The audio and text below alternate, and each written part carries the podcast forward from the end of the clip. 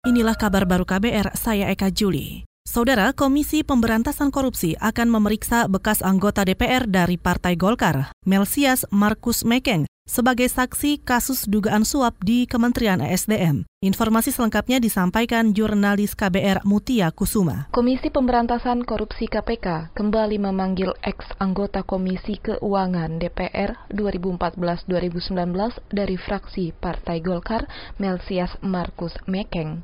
Juru bicara KPK Febri Diansyah mengatakan, Mekeng akan diperiksa sebagai saksi untuk tersangka pemilik PT Borneo Lumbung Energi dan Metal, Samintan, terkait dugaan suap terminasi kontrak perjanjian karya pengusahaan pertambangan batubara atau PKP2B di Kementerian ESDM. Pemanggilan kali ini merupakan penjadwalan keempat kalinya terhadap Mekeng, namun ia selalu mangkir dengan alasan melaksanakan perjalanan dinas.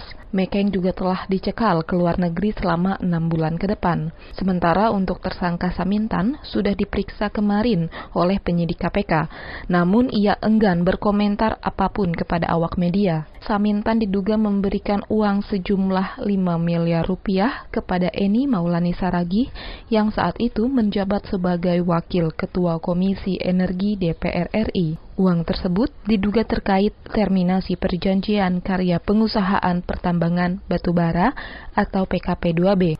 Dari Gedung Merah Putih KPK, Mutia Kusuma untuk KBR. Kita ke soal BPJS Kesehatan. Defisit keuangan BPJS Kesehatan setiap tahunnya dinilai akibat kelalaian dari banyak pihak, bukan semata karena banyak tertunggaknya iuran dari peserta saja. Kepala Bidang Advokasi BPJS Watch, Timbul Siregar, mengatakan lemahnya pengawasan pemerintah dan buruknya kinerja direksi BPJS Kesehatan berkontribusi besar terhadap defisit anggaran. Dampaknya, pemerintah malah menaikkan iuran BPJS Kesehatan. Jadi memang yang ditemukan oleh BPKP itu merupakan temuan-temuan yang memang mendukung terjadinya defisit dan itu merupakan kelalaian dari banyak pihak, dari direksi, dari oknum rumah sakit yang melakukan fraud, dari pengawasan pemerintah Kemenkes yang belum maksimal, dari Kementerian Dalam Negeri yang belum berani untuk memberikan sanksi kepada Pemda-Pemda. Sampai saat ini masih ada Pemda yang belum mengikut sertakan jam kerjanya ke JKN.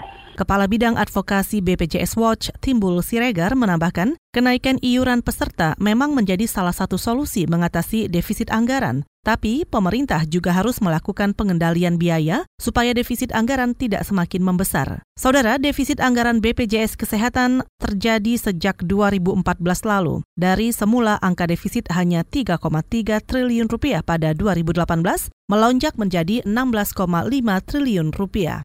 Saudara, pipa bahan bakar minyak jenis solar milik PT Pertamina hari Minggu kemarin bocor di Desa Tarisi, Wanareja, Cilacap, Jawa Tengah. Akibatnya, sumur dan tanaman warga menjadi terdampak akibat tumpahan solar. Dinas Lingkungan Hidup Cilacap bersama pelaksana proyek sejak kemarin terus melakukan pendataan di wilayah terdampak. Sementara itu, menurut Kepala Seksi Tramtip Kecamatan Wanareja, Sunarto, kebocoran pipa BBM solar itu diduga akibat terhantam alat berat yang sedang menggali tanah. Masih dalam penanganan sampai saat ini, jadi kubangan galian itu sudah disedot dan sekarang sudah sudah surut, sudah sat lah. Terus pipa ditempel atau dilas kembali hari ini dampak dari warga ini ya sedang saya tulis dulu mas. Saya mau ketemu ke Pak Kadusnya, Pak Kadusnya dengan Pak RT. Ini kan kemarin datanya belum komplit. Jumlah kakaknya berapa, jumlah jiwa. Kemarin kan baru sumur yang terdampak sama pohon-pohonan. Kepala Seksi Tramtip Kecamatan Wanarja, Cilacap, Jawa Tengah, Sunarto menambahkan,